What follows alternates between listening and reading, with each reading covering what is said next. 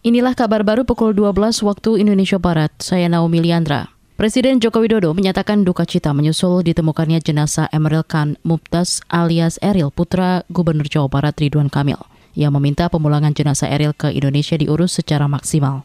Biasa, sudah dua hari yang lalu saya sudah berkomunikasi dengan Pak Ridwan Kamil menyampaikan duka cita yang mendalam, tapi juga eh, alhamdulillah sudah ditemukan. Saya sudah perintahkan kepada Kementerian Luar Negeri, pada Dubes untuk secara maksimal membantu kepulangan jenazah dari Swiss ke Indonesia. Sebelumnya kepolisian kota Bern di Swiss memastikan jenazah pria yang ditemukan di Sungai Are, tepatnya di bendungan Angel Health Rabu pagi lalu adalah Emeril Khan Mumtaz alias Eril putra Gubernur Jawa Barat Ridwan Kamil. Kepastian itu disampaikan usai dilaksanakan tes DNA. Otoritas Bern merinci jenazah Eril ditemukan di cekungan bendungan 5 km dari lokasi Eril berenang. Pasca penemuan jenazah Eril, kepolisian Bern menyatakan penyelidikan dan pencarian resmi dihentikan. Sementara itu melalui akun media sosialnya, Ridwan Kamil menyampaikan terima kasih kepada Kedubes RI di Swiss, pemerintah kota, dan kepolisian Bern.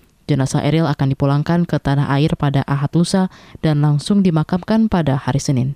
Wakil Presiden Maruf Amin mengarahkan agar implementasi program reforma agraria dapat menjunjung tinggi nilai persatuan sehingga mencegah perpecahan antar warga dan berkeadilan sosial. Reforma agraria merupakan program strategis nasional yang berperan penting dalam mengurangi ketimpangan penguasaan dan kepemilikan tanah. Karenanya Wapres mendorong adanya penyelesaian legalisasi aset wilayah perbatasan sebagai upaya penegakan kedaulatan NKRI dan peningkatan kesejahteraan masyarakat. Sertifikasi sebagai bagian dari reform agraria hendaknya dilaksanakan secara adil, mudah, dan murah. Tidak hanya mudah untuk para pemilik tanah yang luas, melainkan juga pada para pemilik tanah yang sempit yang umumnya terdiri dari rakyat kecil.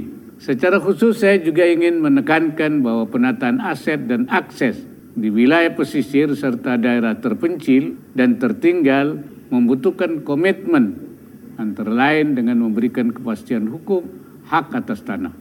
Wapres Maruf menambahkan perlunya kerjasama lintas sektor sebagai upaya kolaboratif di dalam mengoptimalkan program gugus tugas reforma agraria atau GTRA yang dibentuk berdasarkan peraturan Presiden nomor 86 tahun 2018 tentang reforma agraria.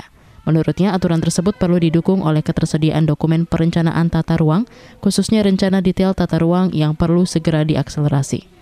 Sebelumnya Dirjen Penataan Agraria Andi Ternsau menyampaikan kesepakatan GTRA Summit 2022 yaitu diberikannya kepastian hukum berupa sertifikasi hak atas tanah bagi pulau-pulau kecil terluar khususnya untuk meningkatkan kesejahteraan masyarakat.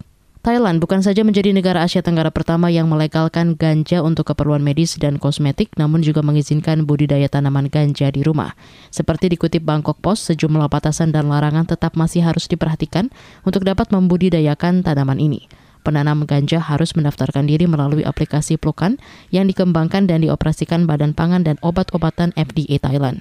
Thailand berharap kebijakan ini bisa membuat negeri gajah putih menjadi salah satu pemain bisnis ganja baru di dunia. Mereka juga menargetkan ganja sebagai salah satu cara menarik wisatawan. Legalisasi ganja ini juga dilakukan demi meringankan kondisi kesehatan dan meningkatkan kesehatan yang baik di tingkat rumah tangga. Demikian kabar baru KBR, saya Naomi Liandra.